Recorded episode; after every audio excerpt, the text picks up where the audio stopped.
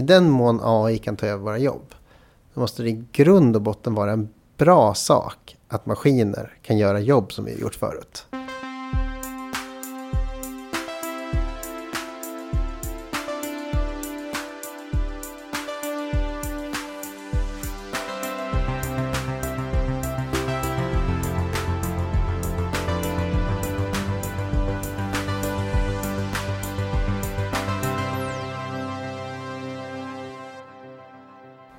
Vi provar att rulla. Det här är Heja Framtiden med Christian von Essen eh, från Nalen idag. På något som heter Stora Framtidsdagen. Eller bara Framtidsdagen. Det beror på lite.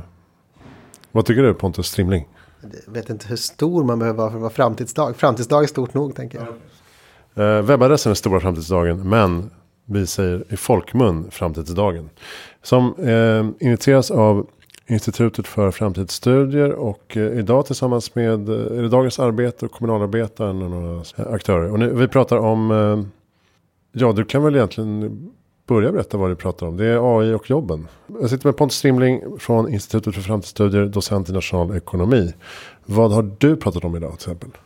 Så jag fick äran att vara första talare och har eh, gått igenom men vad är det vi menar med AI och maskinlärning? Jag har försökt göra det så förståeligt för så många som möjligt. Men meningen med dagen när vi la upp den är att sätta ett fokus på beslutsfattande och AI. Eh, vilka beslut vill vi lämna över? Vilka beslut kan vi ta kring artificiell intelligens och hur den påverkar jobben, arbetsmiljön och eh, våra liv i allmänhet? Innan vi börjar där så pratar vi lite om den positiva framtiden. Det är många saker som blir bättre i världen, men jag ska säga att ännu mer ska jag säga att vi kan välja hur framtiden ska se ut. Och att vi ofta glömmer det. Att när det gäller AI så pratas det ofta om det så att det bara är något som kommer. Men hur det påverkar samhället beror jättemycket på val vi gör. Mm. Så vi sätter, försöker sätta fokus på det. Det känns som en väldigt välkommen dag. Där man får så här grotta ner sig i vad är, vad är det det betyder. Vad kommer det få konsekvenser. Hur ska vi styra det. Har man liksom saknat den här ordentliga diskussionen tidigare tror du? Ja, jag tror att den saknas. Den kräver också många olika expertiser. Det kräver att man förstår hur samhället fungerar, hur människor fungerar och hur AI fungerar. Så det tar tid innan alla satt sig in i alla andras grejer nog för att förstå så att det finns något att säga. Så vi vet att det är på väg och så tar det ett tag innan vi har något konkret att säga om det. Mm. Och eh, jag hörde här innan, eh, man pratar om eh, Forum för omställning till exempel som ett brett projekt eh, med näringsliv och eh, regering. Alltså det är väl, jag får att det var lite regeringsinitiativ också. Där man ska ordna digital dag som en nationaldag för digital utveckling. Och eh, ja, men samverka och diskutera mycket de här frågorna. Men ett, en sak som kom fram där är ju att eh, det är ofta den sociala acceptansen för ny teknik som man måste ta hänsyn till. Man kan inte bara kötta på. Eh, är det någonting du ser också? Att det är, trots att allting finns tillgängligt så behöver det inte betyda att det funkar att rulla ut. Ja, det behöver finnas en social acceptans, socialt intresse. Folk behöver vilja, vilja ha det här för att det ska vara värt någonting. Men ibland, speciellt folk som är väldigt teknikpositiva, så pratas det om att, som att den sociala acceptansen är i sig ett problem. Jag skulle säga att rimliga sätt att se på det är att det är bra om folk känner att de ska kunna välja ifall det här är något de vill ha eller inte. Men sen kanske man behöver förklara lite tydligare vad det här är. Vad betyder det att använda olika AI-applikationer? Att ha AI komma in i vårt samhälle på ett tydligare sätt. Så att folk kan göra utbildade val. Det togs upp som exempel här, tror jag var Trelleborgs kommun som eh, där en AI kunde börja betala ut eh, socialbidrag. Eller försörjningsstöd. Eh, Fattade de besluten. Och så blev det väldigt lyckat. Men det är bara att när man rullade ut i andra kommuner så gjorde det riktigt för snabbt. Så att socialarbetare sa upp sig i protest mot den här roboten. För att det var förnedrande. Eh, och då, det var exempel på hur man har liksom gått över huvudet på de som faktiskt ska utföra det här. Och det hade kunnat bli jättebra. Tror du att det generellt finns en för låg kunskapsnivå om till exempel AI? Att man bara får höra det stora, inte liksom det lilla. Ja, det tror jag. Eh, och det är lite taskigt för att Vi har så himla mycket information i vårt samhälle och det är så mycket som folk ska kunna. Så det är taskigt att säga att åh, ni kan för lite om det här också. Men eh, vi lever i en demokrati. Vi ska tillsammans bestämma om framtiden. Och då behöver vi veta vad de valen innebär. Så ifall vi vill att AI tar över besluten i socialtjänst. Då behöver vi förstå vad innebär det att AI tar över i socialtjänst innan vi kan göra det beslutet. Du menar att man inte har gjort förarbetet riktigt innan man släpper, släpper lös tekniken så att säga? Eh, förarbete kan bli många saker. Jag menar att en del av människors demokratiska plikt av att vara medborgare i en demokrati. Att de behöver förstå det här för att de kommer via sina röstsedlar att vara med och besluta kring mm. sådana här saker. Kring vilken typ av policy vi vill ha kring de här grejerna. menar, förarbete, jag säger inte att AI-utvecklarna inte har gjort tillräckligt med förarbete. Men vi behöver, vi behöver ta en aktiv ställning och veta saker om det för att kunna, för att kunna kräva saker av politiker. Mm. Vad tycker du att vi ska kräva av politiker i just den här frågan? Transparens. Men inte mycket mer vi kan kräva innan vi vet vad vi vill. Och vi vill ju olika saker. Olika människor kommer vilja olika saker. Men just nu är det som att det finns inte mycket politisk mobilisering kring olika policies i AI-frågan. Det är inget som folk diskuterar särskilt mycket. Utan det är någonting som man tänker sig bara kommer och kommer drabba oss. Eh, på positivt och negativt. Bara som, som natur, naturkraft som bara kommer in. Mm. Men det finns jättemånga beslut att ta kring. Ja, till att börja med då, vilka beslut vill du lämna över till AI? Men också om det blir så att människor förlorar sina jobb på grund av AI. Hur vill vi ta hand om de människorna? Om det blir så att vi alla blir mer stressade av att ha AI i vårt samhälle på det sätt som det verkar blivit med tidigare industrialiseringar. Hur hanterar vi den stressen? Vad, är, vad har vi som samhälle för ansvar mot individerna som påverkas av AI på olika sätt? Och vad har samhället för ansvar att vara öppen öppen med beslut som tas och vilka beslutsgrunder det finns. Även om det är AI som har tagit över det. Hur mycket ska vi kräva för att den AI faktiskt kan förklara hur den har tagit sina beslut och liknande. Mm. Man pratar ju mycket om eh, eh hållbara AI och etik och normer och eh, värderingar i relation till utveckling av algoritmer och artificiell intelligens. Men du forskar ju också på um, hur AI kommer att påverka våra värderingar och normer. Kan man förstå det så? Ja, både och. Både hur våra normer och värderingar påverkar vilken AI som kan finnas. Det är, eh, AI som jag pratar om idag är ju otroligt datahungrig. Mm. Den behöver mängder av data. Alltså vilka idéer vi har kring privacy är jätte... Om vi ska ta ett supertydligt exempel. Den nuvarande teknologiska utvecklingen av AI gör det möjligt att söka i enorma databaser som består av både ljud, bild och text och liknande. Eh, så det betyder att jag om informationen fanns online så skulle jag i princip kunna googla ditt liv. Eh, och vi går alla omkring med små mikrofoner och videokameror i fickan i form av mobiltelefon. Och i Sverige idag så är det lagligt att spela in alla samtal som du är med om. Och det är lite oklart vad du får göra med datat sen. Men i princip så skulle vi kunna bygga de här enorma databaserna. Vi har teknologin för att du, du, ditt liv skulle vara googlingsbart. Och det som gör att det inte händer det är just människors idé om att de inte, att det, att det är emot normerna att jag sitter och spelar in dig. Det är lite konstigt att säga just nu eftersom du sitter och spelar in mig. Men det är en väldigt speciell situation. Överlag så tycker vi inte det är okej om våra vänner sitter och spelar in våra samtal hela tiden. Jag tror att vi har ett samtycke. Ja, vi har, vi har ett samtycke. Och du, det är inte som att du döljer genom att ha en liten mikrofon i fickan. Utan den är, den är rätt i mitt ansikte här. Så där är det tydligt att det är normerna som sätter gränsen för hur AI kan användas. Normer kring vilken data vi är beredda att samla in. Och sen i ett senare skede så handlar det väldigt mycket om, om men till exempel, det finns en, i arbetslinjen nu så finns det en idé om att det är bara arbete som ger vårt liv mening. Eh, men det är också en normativ sak. Så det går att, beroende på hur vi ser på varandra så har det inte alltid varit. Det har funnits samhällen där adelsmänniskorna inte alls har arbetat och inte alls sett att det behöver arbetas för att deras liv ska vara meningsfullt. Utan hittat andra sätt att fylla mening. Och vi skulle kunna hitta andra sätt att fylla mening. Men då är frågan om, kommer det leda till att vi inte ändrar den här normen men vi får en arbetslöshet. Ifall AI leder till mer arbetslöshet. Eller leder det till att vi ändrar våra normer faktiskt i samband med det. Sådana frågor öppnar vi upp för. Men det är ett tidigt, tidigt skede som du hör på mig. Att jag är svår att vara tydlig med vad som kommer hända. Hur går du tillväga när du forskar på det här området? Då? Också en öppen fråga. Så i min vanliga forskning så studerar jag hur normer förändras. Men då har jag tillgång till historisk data. Jag tittar på hur moralopinion har förändrats under de senaste 40 åren och så. Då finns ju det datat. Så det här forskningsfältet. Vad AI kommer att ha för effekter på samhället. Det existerar i princip inte. Men det satsas massor av resurser på det. Och vi är en grupp som har bestämt oss för att börja med det. Och det är många andra som börjar med det. Så det är fortfarande oklart. Det, det är en helt nytt forskningsfält. Så vet inte vad det blir av det än. Men för mig så en central fråga är vilken typ av data kan vi använda för att förutsäga framtiden? Vilken typ av data har vi tillgång nu som säger något om framtiden? Och då har jag börjat titta på det finns många som hoppas att etiken i AI ska komma ifrån att företag själv reglerar sig. Jag börjar titta på vilka värderingar de som styr AI-företag har. För att förstå vilken typ av reglering de skulle göra på sig själva. Vart deras moral ligger. En annan sak är att det kommer skilja sig hur AI implementeras i olika länder beroende på hur stort AI-intresset är. Så jag börjar titta på hur AI-intresset skiljer sig mellan olika länder och vad det är som förklarar den skillnaden.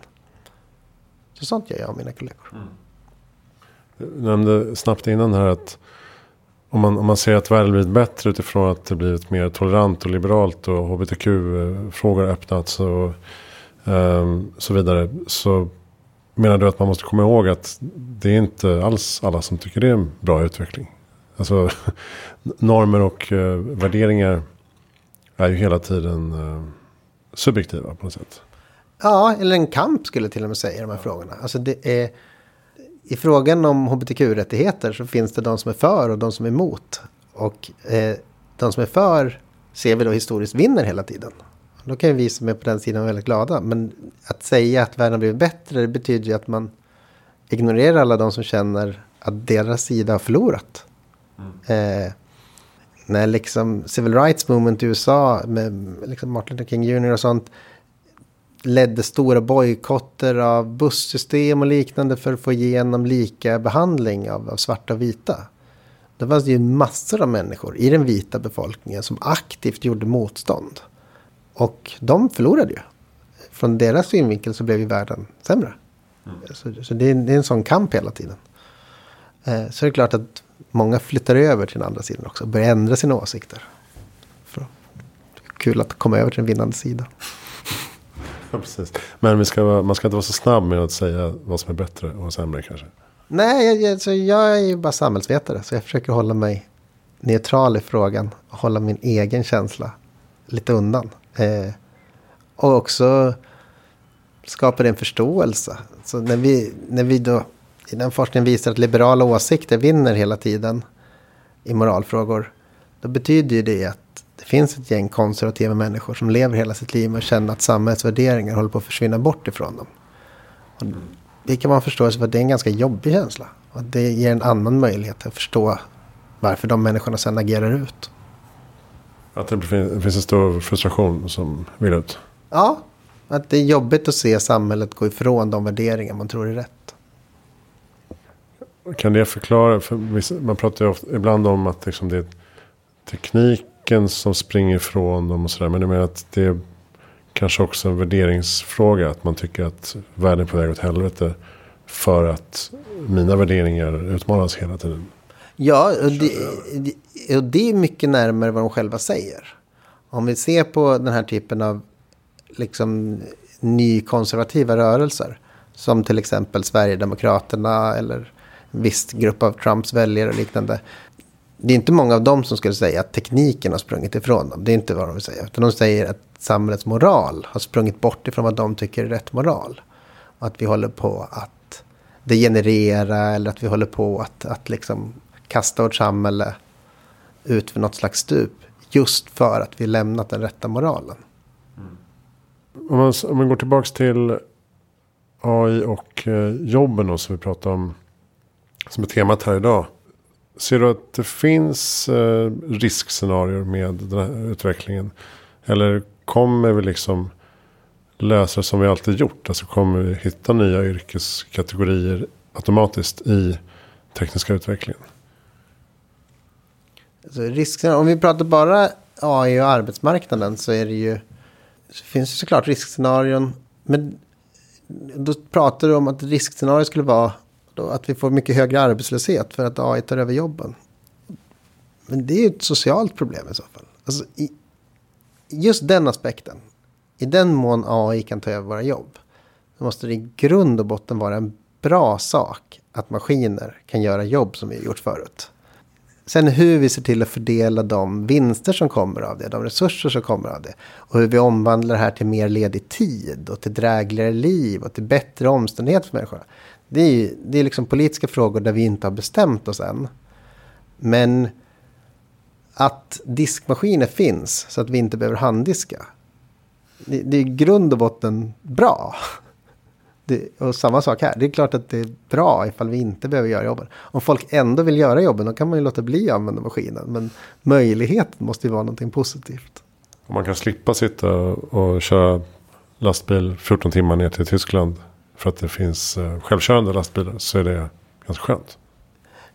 Ja, jag gissar att det finns många lastbilschaufförer som om de kunde få samma lön skulle kunna tänka sig att göra något annat än att sitta i lastbilen. Jag vet inte, vara hemma med sina barn, leka saker. Jag vet inte vad de vill göra. Eh, men att det, det är inte alla som älskar sitt jobb. Och det finns ju en hel del människor som kan tänka sig att gå ner i tid. Om vi bara då omfördelar resurserna så att vi ser till att vi har ett bra liv även om vi inte gör de jobben. Och sen så är det som du säger, det kommer skapas nya jobb av det. Och det kommer skapas nya. Så när Amazon gjorde om sitt lager så att det var nästan bara robotar som styr runt och flyttar runt saker. Då anställer de fler människor. För samtidigt så börjar de erbjuda eh, leverans samma dag, on the day delivery. Eh, så vi kommer ju öka kraven på vilken typ av tjänster vi vill köpa av samhället. Med till exempel då leverans samma dag. Mm. Men då får vi väl också bättre liv på något sätt. Det är också val vi gör liksom. Men pratar man eh, mer och mer om eh, möjligheten till basinkomst i, även i de akademiska kretsarna? Skulle du säga? Ja. Och bland AI-utvecklare, liksom Zuckerberg har kommit ut i, och är för medborgarlön. Och det, med AI så kommer absolut det samtalet närmare i fokus. Jag vet inte om det egentligen kommer ersätta så mycket jobb inom den närmsta framtiden. Så att det ska förändra samtalet om medborgarlön. Men det är spännande att det samtalet tas upp. Jag, vi pratade också lite tidigare om det här med hur vi ser på framtiden överlag. Eh, utan att säga om jag är för eller emot medborgarlön. Så är det ett av få förslag vi har nu. Då vi pratar om ett drastiskt annorlunda samhälle. Då vi diskuterar en ny tanke om vad samhället skulle kunna vara. Istället för att vi debatterar om vi ska helt eller halvt RUT. Som är, det är små frågor i jämförelse. Du tycker, du tycker det är bra att man eh, ibland får drämma, drämma till med en riktigt stor saftig fråga. För att eh, skaka om lite grann och hitta nya vägar. Jag tycker det är bra att vi kommer ihåg att vi väljer. Och att det finns ganska stora val att göra.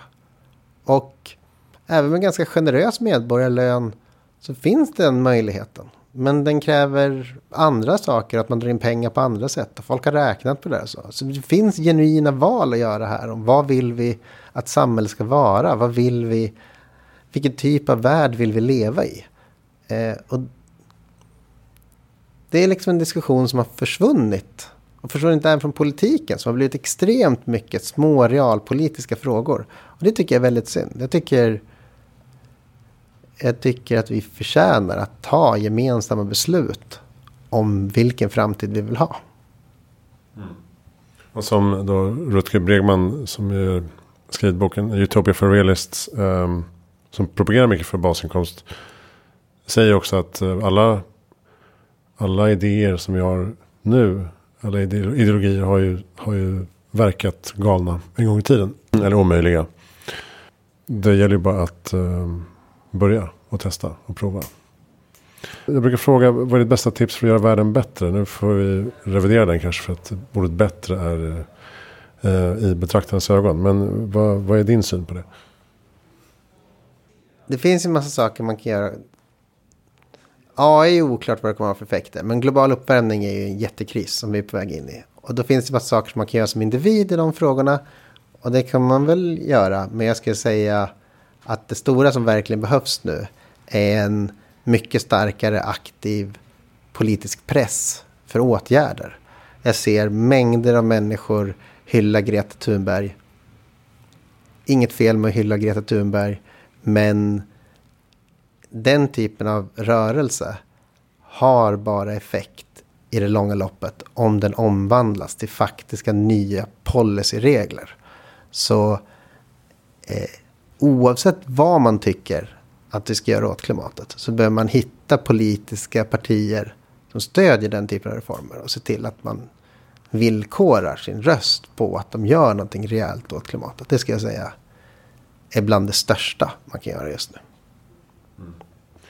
Är det lite för mycket fokus på skam och skuld och lite för lite på lösningar i den debatten kanske?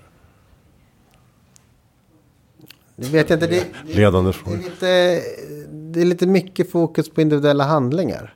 Men vi ser att inom det nuvarande systemet så räcker inte det.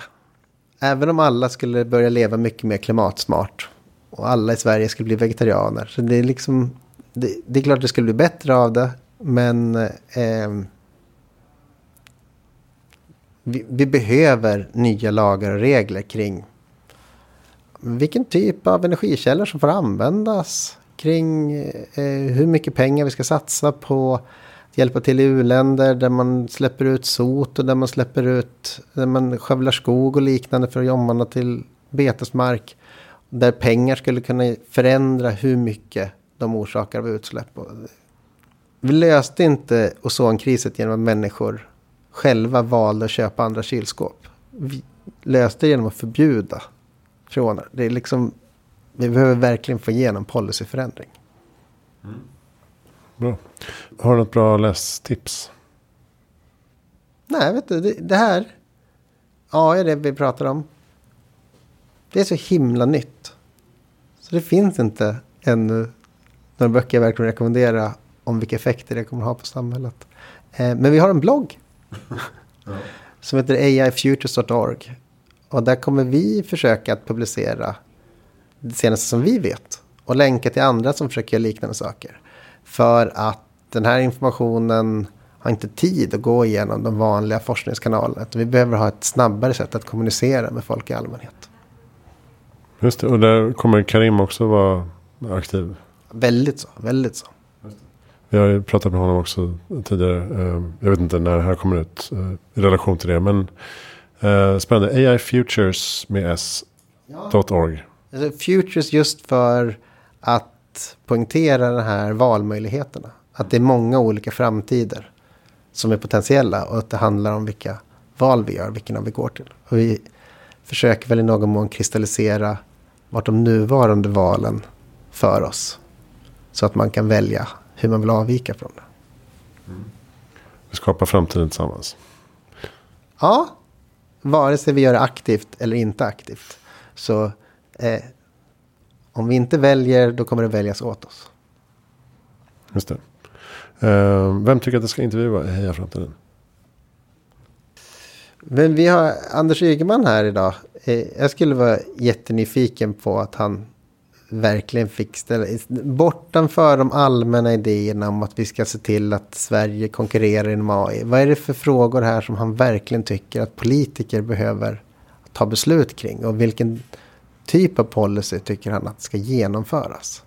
Vad är de politiska verktygen som han ser framför sig? Mm. Ska se om vi kan ha för honom. Eh, tack snälla Pontus Strimling för att jag fick eh, hugga, hugga tag i det här på framtidsdagen. Varsågod. IFFS.se är Institutet för framtidsstudier. Ehm, uh, Hejaframtiden.se. Uh, eh, där hittar du alla intervjupersoner och mer information om denna podcast. Tack för att du lyssnar. Hej.